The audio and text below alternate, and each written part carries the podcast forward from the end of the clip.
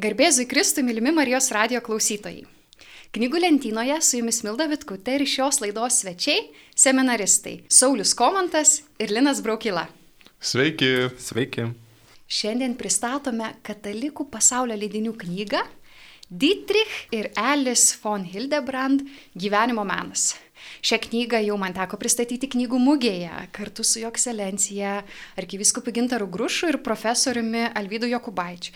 Ir Alvydas Jokubaitis, filosofas, profesorius, sakė, kad tai yra geriausia šiais metais išleista knyga, arba bent jau geriausia esanti knygų mugėje. Kodėl?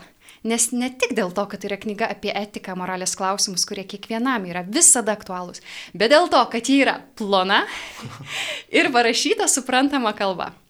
Ką Jūs galvojate? Negalima nesutikti su tokiu garbingu prelegentu iš tiesų.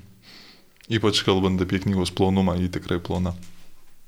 Kad jau pagyrėm knygos plonumą, knygos pavadinimas taip pat vertas dėmesio - gyvenimo menas. Kaip jum persiskaitė šios knygos pavadinimas? Aš galvojau, kodėlgi tai pavadinta ir tada turiu savo poetinę interpretaciją. Menas susijęs su uh, gebėjimu kažkokioje medžiagoje, žodžiuose, akmenyje, dar kažkame kitame, išreikšti turinį, vertę, patirtį.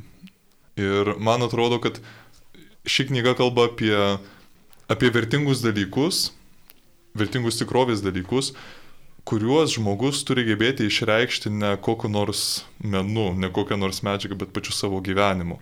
Gyvenimo menas yra gebėjimas vertingiausius dalykus, kuriuos atpažįstame tikroviai, atpažinti ir išreikšti savo gyvenimu. Aš taip suprantu, kodėl tai yra gyvenimo menas. Aš tik galvoju, kad šiais laikais, kai mes čia visi kviečiami būti menininkais. Iš vienos pusės tai banalu, iš kitos pusės aš prisimenu Chestertono mintį, kad yra dalykų, kuriuos verta daryti blogai, bet daryti pačiam. Labai labai svarbu daryti pačiam. Tai va taip yra su tuo gyvenimu, kad reikia įgyventi pačiam ir kad ir koks tu tas menininkas būsi, tau koks, ne koks būsi, ne viskas ten pavyks labai puikiai, tavo potėpiai greičiausiai dažnai bus kliši, bet tu pats turėsi kurti savo gyvenimą. Tai ta prasme, kiekvienas esam savo gyvenimo kuriejas. Tai mano nuomonė tai yra nuostabus minčių komplektas, kuris giliau pažvelgia į tam tikras savokas, kuriomis kasdienybėje mes gana dažnai mėtomės, nepagalvodami, ką jos iš tiesų reiškia. O tai galvojant apie tas savokas. Kokios tos savokas? Prieš pasirenkant kažkuria vieną, kuri mums labiausiai padarė įspūdį, aš galiu e, išvardinti turinį, kuris tiesiog vardina e, laikysenas arba, arba svarbiuosius gyvenimo dalykus, kaip galbūt galima e, pavadinti. Tai pagarba, ištikimybė, atsakingumas, tiesos meilė, gerumas, bendrystė, viltis. Ir porą baigiamųjų skyrelių. Tai e, kiekviena savoka turbūt turi savo atskirą istoriją ir atskirus aspektus, kuriuos autoriai, kadangi jie yra du, paryškina. E, bet bendrą giją galima rasti, tačiau man atrodo labai teisingas ir prasmingas knygos skaitimo būdas galėtų būti pribrendus kažkuriam vienam žodžiui arba klausimui gyvenime e, atsiversti būtent, būtent tą skyrelį. Labai nustebina ir labai praturtina, bent jau mane. Gal prieš pradedant nerti į pačią knygą, verta iš tikrųjų pristatyti šios knygos autorius, bent trumpai. Kodėl du? Ta pačia pavardė. Greičiausiai galėjote įtarti, kad tai yra... Negi tai atsitiktinumas. Nejaugi, nejaugi. Tai yra vyras ir žmona. Dietrich von Hildebrand. Taigi Hildebrandas vokiečių filosofas, katalikas, gavęs liaupsių iš trijų popiežių. Pijus XII jį vadino 20-ojo amžiaus bažnyčios mokytoju. Jonas Paulius II, šventasis, jį vadino vienu iš didžiausių 20-ojo amžiaus etikos mokytojų. O Benediktas XVI jį pažinojo asmeniškai savo kunigystės pradžioje. Taigi profesorius, filosofijos profesorius, katalikas, gyvenęs Vokietijoje ir dėstęs, po pirmos žmonos mirties dėstytojaudamas sutiko savo antrą žmoną. Ir jie tiesiog iš pradžių daug kalbėjosi visokiausiais etikos klausimais, moralės, filosofijos ir visais kitais svarbiais gyvenimo klausimais, kol galiausiai tapo šeima. Tai Alice von Hildebrand yra amerikiečių filosofė. Ir pasakojau laidos pradžioje, kad šią knygą pristatėm knygų mugėje, tai arkivyskupas Gintaras Grušas yra jos paskaitų, jos pokalbių klausęsis Steubenville universitete Amerikoje. Tai va, tai mes turime tiesiogiai vieną iš autorių pažinojusių žmonių esančių čia Vilniuje. Taigi, garsus filosofai, o Lietuvoje labai nedaug žinomi. Ir ši knyga yra pirmasis Hildebrando vertimas lietuvių kalba. Tai gal tiek tų liaupsių rekomenduoja daug protingų žmonių, žiūrėkit ir net šitie du seminaristai rekomenduoja. Arkivyskupas, profesorius Jokubaitis. Žodžiu, verta skaityti ir pabrėžiam, trumpa knyga, suprantama kalba. Tai nepabijokite, jeigu žmogus yra garsus filosofas, nereiškia, kad jis rašo nesuprantamai. Dėl to suprantamumo tik tai vieną pastabą turiu. Nustebdavau, kad kai atpažįstu savyje kažkokią patirtį, kuri yra susijus su dėstoma tema, tekstas atsirakina. Ar ne? Iš pažiūros net ir toks filosofinis griežtumas, sakyčiau, jis, jis nėra negyvas, ta prasme, kad kai atpažįsti žmogišką patirtį ir pabandai su, susi, su ją susijęti, jis tikrai gyvas, jis, jis, jis kalba. Gal tada reikėtų pratesti, Vilinai, kaip parašyta ši knyga? Aš tai pasakyčiau, kad ši knyga balansuoja tarp filosofinio veikalo ir grožinės literatūros. Kodėl? Nes joje aprašomas, o gal aprašomi skirtingi žmonės arba skirtingi žmogaus tipai, kaip kokie personažai - pastovus žmogus ir nepastovus žmogus, ištikimas žmogus, neištikimas žmogus. Ir tarsi aprašomi veikėjai, jų charakteriai, O iš tikrųjų, skaitai šią knygą, aš skaitau šią knygą ir atpažįstu save. Norėčiau atpažinti save ištikimajame žmoguje, truputį dažniau atpažįstu tame sviruojančiame žmoguje. Tai ši knyga man pačiai buvo kaip koks paragavimas, ką reiškia moralus, dvasiškai gilus gyvenimas, kaip jis atrodo ir toks pasiskonėjimas, pasidžiaugimas pamatymas, kaip galima gyventi, aš norėčiau taip gyventi. Ir kažkaip tai nėra kažkokie griežti pamokymai, nors tame yra tiek daug, galėtume sakyti, kietų žodžių. Tekstas yra toks patrauklus. Aš pati perskaičiusi šią knygą, tiksliau skaitydama, fotografavau puslapius ir siunčiau savo draugėm. Vienai sakau, žiūrėk, kaip taiklu, kaip taiklu, o kitai, žiūrėk čia apie tave, tu taip myli. Matai, va, žiūrėk, kaip tu gerai gyveni. Ir jie atrašo pati tu tokia. tai ką norėjau pasakyti? Tikrai sutinku linai su tavim, šioje knygoje atpažįsti savo paties patirtį. Tai pereikim konkrečiai prie knygos vietų. Sauliau, kas tave patį labiausiai palėtė? Na, mane palėtė dvi tos jau anksčiau minėtos savokos. Pirma iš jų tai yra bendrystė. Na, trumpai tariant, kas yra bendrystė, tai yra bendrystė, tai yra žmogaus santykis su kitu žmogumi. Ir man labai įstrigo mintis autoriaus Hildebrando, kai jis rašė, tikrasis mūsų gyvenimo matas yra ne tai, ką pasiekėme, bet santykių su kitais kokybė. Nes labai dažnai galime girdėti, kad viena iš mano gyvenimo vertybių, viena iš mano gyvenimo siekėmybių yra bendrystė su kitais, geras santykis, tačiau kaip čia rašoma, santykio su kitu kokybė. Vadinasi, kiek aš pats savęs investuoju į tą santykį su kitu žmogumi. Tame skyriuje bendrystė tikrai vienas sakinys pir, pribloškė, primušė ir dar, ir dar dabar jaučiu padarinius. E, klausykite. Meilės bruožas yra tas, kad tik gerasias savybės laikome mylimojo tikruoju aš, o jo blogis yra ne, ne jo paties, bet blog, jo blogis yra jo tikrojo aš išdavimas. Sėdžiu, galvoju, svarstau. Kai tikrai myli, nepripažįsti blogų kaip tikrojo aš, tik gėrį pripažįsti jo tikrojo aš. Labai man priminė Liujiso vieną, vieną tokį paprastą apibūdinimą apie, apie tai, kas yra ta tikroji krikščioniška meilė. Mylėti kitą kaip save patį. Ir kaip mes mylim save patį. atleidžiam savo dalykus, suprantam, kad šito laivo tai mes neapleisim, plauksim jo iki galo, ar ne. Ir tada kito žmogaus atžvilgių meilė juk turėtų būti tokia pati. Neatsižadėti jo, net jeigu to laivo labai nedaug lentų dar liko sveikų, bet, bet suprasti, kad turi išplaukti su tuo, kas jame gera. Ir tai yra tos bendrysės esmė. Tai lobis, lobis klausytojai brangieji. Aš noriu tik dar pridėti, dar pacituoti toliau iš šios skiriaus apie bendrystę. Sako, kad mylinčiojo pasitikėjimas mylimuoju jam suteikia drąsos kovoti su savo trapumu. Ir tai nereiškia, kad meilė yra akla. Mylintysis mato mylimojo įdas, kaip sakė Linai, bet nelaiko jo įdų ar trūkumų jo tapatybės dalimi, bet yra didžiulis pasitikėjimas, kaip tu sakei, jis nepleidžia. Ir kartu sako, čia yra elis skyrius. Viltis yra kantri, o nekantrus žmogus nustato galutinius terminus ir, kai jų nesilaikoma, pasipiktina ir nusivilia. Tęsė ji toliau. Iš tiesų, mylintis žmogus irgi ima nekantrauti, nes jo viltis labai gyva ir jis tiki, kad tai, kas neišsipildė šiandien, gali įvykti ir tikrai įvyks rytoj.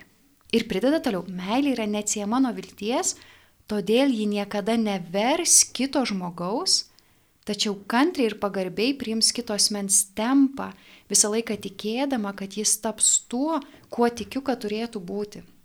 Ir čia turbūt labai svarbus dalykas. Meilė yra kantri, ji neverčia, ji pastiprina kitą savo pasitikėjimu, savo turimą viltimi. Labai svarbus dalykas atrodo kartais, kad na, jau mūsų santykiai, nežinau, šeimoje griūva, ar draugystėje kažkaip labai stipriai griūva, nes kitas žmogus tarsi pats subyra, pats kapituliuoja, ne? nori palikti save, savo laivą, patį save palieka, išduoda save, bet mūsų pasitikinti žvilgsnis jam yra kaip šviturys. Ir apie tą pasitikinti žvilgsnį vieną citatą, kurią išsirašiau trumpą. Todėl manau, kad kai kurie žmonės niekada nesukaupė jėgų kovoti su savo įdomis, nes niekada nesutiko to, kuris norėtų jais pasitikėti. Stiprų žodžiai. Kaip norėtųsi pačiam turėti tokią viltį. Ir aš prisimenu, kaip nuolat pabrėžia psichoterapeutas Gintautas Vaitoška, kad kažką jis cituoja, neprisimenu ką, bet kai sutinki žmogų, kuris daug gyvenime sunkumų patyręs ir atrodo klausai jo istorijos ir nu nėra vilties, nu viskas blogai ir šeimoje blogai ir įdose visokiose įklimpęs visur kitur ir atrodo, nu, tikrai jau šitam žmogui, nu nėra už ko kabintis. Ir Gintotas Vaitoškas sako, ir klausančiojo viltis turi būti didesnė už to, kuris pasakoja. Ir tai labai labai svarbu. Tai ši knyga, atrodo, jinai neaiškina mum, elkis taip, daryk taip. Ne, jinai nėra kažkokia pamokomoji, liepiančioji, nėra parašyta liepiamąją nuosaką, jinai parašyta va štai tokiu stiliumi, tokiu parodymu, va kaip veikia gyvenimas. Mhm. Gyvenimas veikia va taip.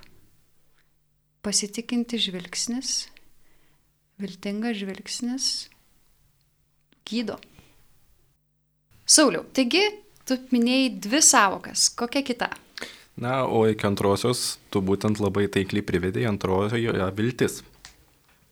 Norėčiau šiek tiek atskirti optimizmą nuo vilties, nes pasak autorius, optimizmui yra būdingas aklumas. Todėl tai nėra visai viltis, tai yra tiesiog varomoji jėga, yra mąstymas, kad nu, tikrai viskas bus gerai, be kažkokios priežasties tiesiog savaime bus gerai.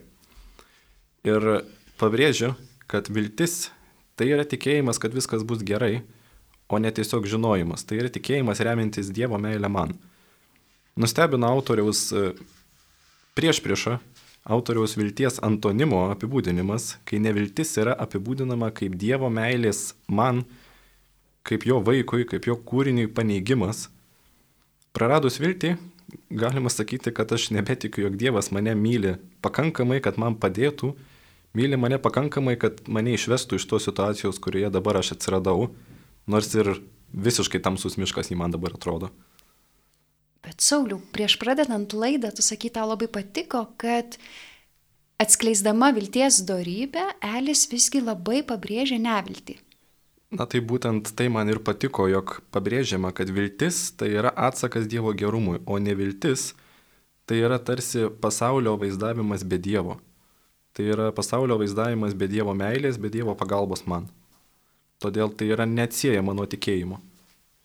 Ir čia svarbus aspektas, ką sako Elis Hildebrand. Užuot patikėję savo likimą kitam, kitam didžiai raide, tai ir yra vilties esmė, žmogus laiko likimą savo rankose, nors ir teigia, kad negali jo išsaugoti. Ir čia labai įdomus dalykas, kad neviltis kyla iš užsidarimo savyje. Ir šiame skyriuje kalba apie troškimus, kur mes nuolat bandom save patenkinti kažkokiais malonumais. Ir atrodo, kad mes įstringame šitoje imanencijoje, šitame viduje, savyje, sukame, sukame ratus ir atrodo, nu daugiau nieko nėra. Tai reikia kažkaip bandyti iš šitų laikinų dalykų iš, išpešti vis kažko daugiau, o jie vis nuvilia ir nuvilia. Ir sako, čia toks įdomus dalykas, kad neviltis ištinka strigų savyje. Ir todėl e, štai viltis, ar ne, yra dar viena laikysena tikrovės atžvilgių. Mane vis sukrečia iš naujo ta nežinau kur girdėjote, gal kažkokiuose rekolekcijose ištara, kad tikrovė yra gailestingesnė už mūsų mintyse sukurtą tikrovės vaizdą. Mes patys užsisukdami toje galvoje sunaikinam viltį iš tikrųjų, kai tikrovėje viltis yra. Ir a, tas suvedimas, kad a, vilties pagrindas yra tas kažkas iš didžiosios raidės asmuo, į kurį esi sudėjęs viltį, man visada, visada yra toks papildymas, kad tikrovė apima ir tos tikrovės kūrėją. Ir realizmas, ta tikrąją prasme, ar ne, tik tikrovės pripažinimas tokios, kokia jį yra, jis apima ir viltį, jis apima ir pagrindą vilčiai. Realizmas nėra įsivaizdavimas, tarsi nebūtų nieko, kas tave galėtų ištraukti arba kas galėtų pranokti tave. Realizmas apima ir tą sąlygą, kad yra kažkas, kuris tą tikrovę sukūrė. Ir labai labai realu yra tikėti, kad nematant visos tikrovės, e, tu nematai ir visų tikrovės galimybių. Ir čia vėl noriu pacituoti knygos autorius, kad žmogus imtų tikėti Dievą, turime neužversti jį argumentais, bet pašalinti iš ankstinių nusistatymų ir intelektinio purvo luobą, dengiantį metafizinį žmogaus ryšį su Dievu. Ir čia labai įdomus dalykas. Man pačiai dažnai atrodo, kad, na ir aš vis dar galvoju, kad kai sutinki žmogų, kuris laiko save netikinčiu ateistu, reikia gebėti atsakyti jo klausimus, prieštaravimus bažnyčiai. Tai labai labai svarbu. Bet aš mačiau, kad iš pat pradžių tai jie neklausė atsakymų. Jie labiau tikrina mano pačios laikyseną tikrovės atžvilgių ir labiau iš mano veiksmų kyla atsakymai. Tai labai labai svarbus argumentas, iš tikrųjų jis labai svarbus, reikia jų turėti, bet jei tavo laikysena neliudija šio ryšio, tai nebus iš ko ir paklausti. Tai čia svarbi mintis. Aš pati esu argumentų mėgėja, man pačiai jų reikia, bet aš supratau, kad pirmam susitikime, antram susidūrimuose, tokiuose trumpalaikiuose, nu mūsų argumentai yra mažumėlė dzin. Lengvai dzin. Lengvai dzin. Jūs klausotės laidos knygų lentynoje. Šiandien pristatome Katalikų pasaulio leidinių knygą Dietrich ir Alice von Hildebrand gyvenimo menas. Studijoje su jumis Milda Vitkutė ir laidos svečiai seminaristai Saulis Komantas ir Linas Braukila. Knyga Gyvenimo menas, kaip Linai minėjai laidos pradžioje, yra apie laikysenas. Linai, ką tu norėjai pasakyti? Kas tos laikysenos, kaip suprasti šį žodį? Įsivaizduokim įprastą gyvenimo pamoką, kad saldainių tiesiog nebeliko. Namuose saldainių tiesiog nebeliko. Ir gali dėl to verkt, arba kaip pasiūlo išmintingesnis žmogus, gali pakeisti požiūrį. Ir šitas, šitas dėsnis, ne, kad yra tikrovė, objektyvi tikrovė, į kurią turi gebėti pakeisti požiūrį, e, man atrodo labai teisingas, tik tai mūsų gal vaizduotė yra labai ribota. kokių laikysenų tikrovės atžvilgių galim būti. Tai dažniausiai sugalvom tik tai optimizmas, pesimizmas, gal dar realizmas, bet realizmas tą ir reiškia matyti tikrovę, arba koksai nors, nežinau, aš esu koksai nors pozityvus, esu toks žmogeliukas, arba aš esu negatyvus. Tai štai knyga, man atrodo, pasiūlo tokį gilesnį žvilgsnį, kokios gali būti žmogaus laikysenos. Laikysena žodis tai reiškia, ar ne? Tikrovė yra tokia, kokia ji yra, ir labai svarbu pripažinti, kad ji yra. Ir aš jos nekuriu. Bet pasirinku savo vietą joje ir pasirinku savo žiūros tašką joje. Pavyzdžiui, tokia laikysena kaip pagarba, kuri yra pirmoji laikysena, kurią, kurią autorius aptarė. Pagarba yra tokia laikysena, kai leidi tikroviai kalbėti, leidi žmogui kalbėti, leidi gamtai kalbėti, leidi, kad tau atsiskleistų dalyko žmogaus reiškinio, nežinau, vertė, kad tu ją atpažintum. Ir tai yra laikysena tikrovės atžvilgiu. Ne vien tik tai į viską žiūrėti šviesiai, tamsiai, kokomis nors švelniomis spalvomis ar panašiai, bet pirmiausia leisti kalbėti. Tada likti ištikimam tam, ką tu pamatėjai. Tada gebėti e, prisimti atsakomybę už tai, ką tu pažinai ir panašiai, ir panašiai, ir panašiai. Tai šitas žodis, man atrodo, paaiškina vidinę knygos logiką, ar ne, kad mes kalbam apie žmogaus laikysenas, apie tai, kad objektyvios tikrovės atžvilgių jis turi tinkamai pasirinkti poziciją. Ir tinkamai pasirinkdamas poziciją jis sugeba perimti tai, kas vertinga tikroviai, tai, kas joje tikriausia, sakytumėm, ar ne, ir tai padaryti savo gyvenimo dalimi, savo gyvenimu jas išreikšti. Ir čia svarbus dalykas, tai žodis tikrovė. Turbūt visiems atsibos milda šitose laidose, nes kiekvienoje knygoje vis yra kas nors apie tikrovę. Bet ką daryti? Taip yra. Mes negalime savęs laikyti vertinimo matu. Kartais girdžiu žmonės sakant, nu aš viską pagal save vertinu, per save perkošiu. Bet aš kai žiūriu į save, aš esu tokia nepastovi. Vieną dieną man vieni dalykai atrodo, kitą dieną kiti. Pasižiūriu į save prieš penkis metus kai jaučiausi tokia protinga, dabar net juokas ima, mes suprantam, kad mes esam nepastovus. Ir nors iš vienos pusės, kaip sakė Tomas Akvinėtis, tu turi klausyti savo sąžinės. Tai, kad tu laikai teisingų, taip ir turi elgtis. Net jeigu objektyviai žiūrint tai neteisinga, bet tu turi elgtis pagal tai, ką tu supranti esant teisingu. Bet iš kitos pusės sąžinę reikia formuoti. Ir tu pats kaip toks nesi čia visoks pasaulio genijus, tuo labiau kuriejas, kuriejas tu davė instrukcijas, pasakė, kaip naudotis šitu šachmatų žmogumi, kaip su juo vaikščiat, kokios jo ėjimo galimybės. O mes kaip tyčia perskaitėm tik mažą dalį ir tik peržiūrėjom paveiksliukus. taip, taip, šios instrukcijos visos taip niekaip ir neperkandam, bet tai labai svarbus dalykas, ką rodo Kildebrandai knygoje. Ja? Yra kažkokia objektyvi tikrovė, pagal kurią mes visi matuojamės. Jeigu jos nebūtų, tai šakės mums, tada tikrai žmogus būtų labai labai nepastovus, nuolat blaškomas, jam nuolat vis reikėtų kurti kažkokius principus, ne juos atrasti, bet kurti. Aš tai nepasitikiu savim. Nenorėčiau gyventi savo sukurtam pasauliu. Man daug labiau patinka gyventi pasaulyje atrastam, kuris mane nustebina ir kuris mane kreipia, man duoda prasme. Nes pati per daug jau kliša, kad galėčiau suteikti savo ar tuo labiau kitam kryptį. Ir tai, ką tu kalbi, verčia mane e, pasidalinti dar vieną mintimį iš knygos. Labai paradoksalų dalyką pasako autorius. Sako, tik netvirtas žmogus niekada nesikeičia. Mes įsivaizduojam, kad tvirtas žmogus niekada nesikeičia. Toks plienas esu, ne? visą gyvenimą turėjau principus, jų ir laikausi, tokį mane ir palaidos.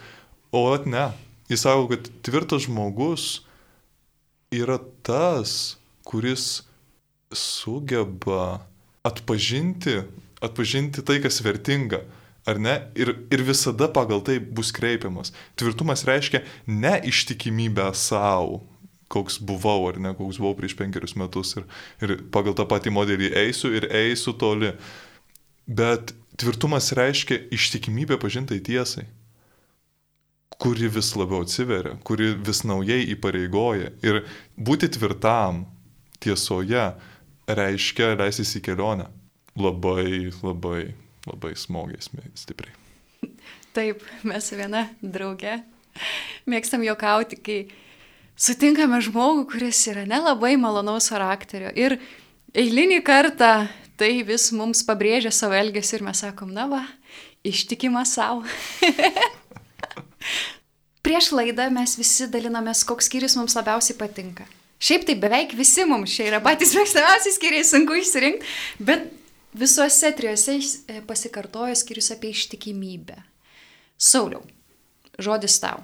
Na, kalbant apie dar vieną iš daugelio įdomių minčių, kurias čia radau ir tų gardžiųjų vietų, buvo minima, jog lotyniškas žodis fides reiškia ir tikėjimą, ir ištikimybę.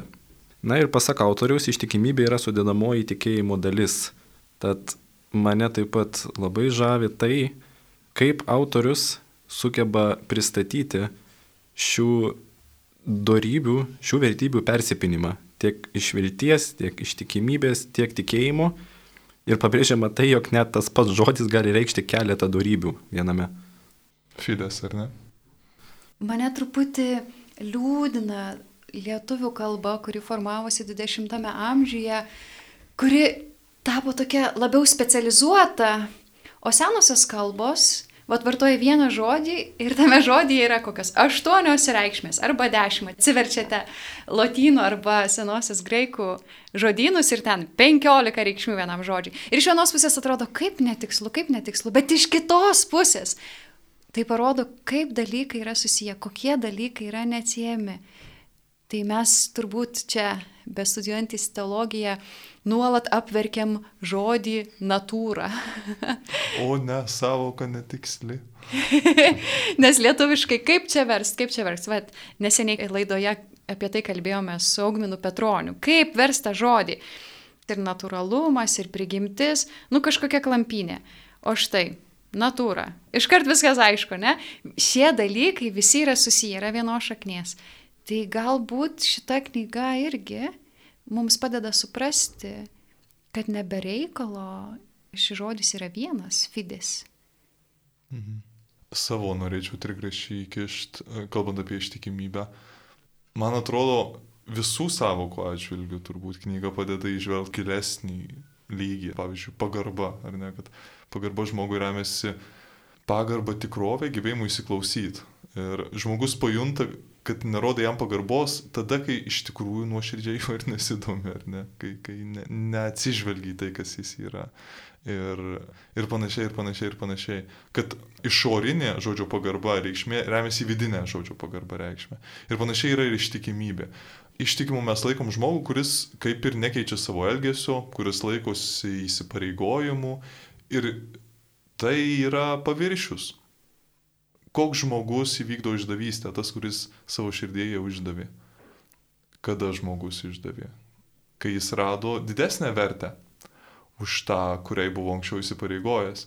Ir todėl ištikimybė, kaip apibrėžiama šitoje knygoje, iš tikrųjų yra gebėjimas bėgant laikui ir randantis naujiems dalykams nepamiršti anksčiau jau atpažintos vertės atsimenu pokalbį su broliu, jaunas šeimos tėvas ir, ir kalbėjomės apie tai, kaip greitai, sakytume, mutuoja santoka.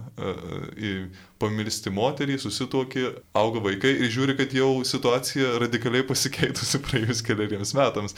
Kalba ne tik tai apie tavo, tavo namų ūkį, maisto produktus, kuriuos perki laiką, kurį planuoji, bet net ir santykiai su to pačia žmona. Ir tada kyla klausimas, kaip aš čia patekau.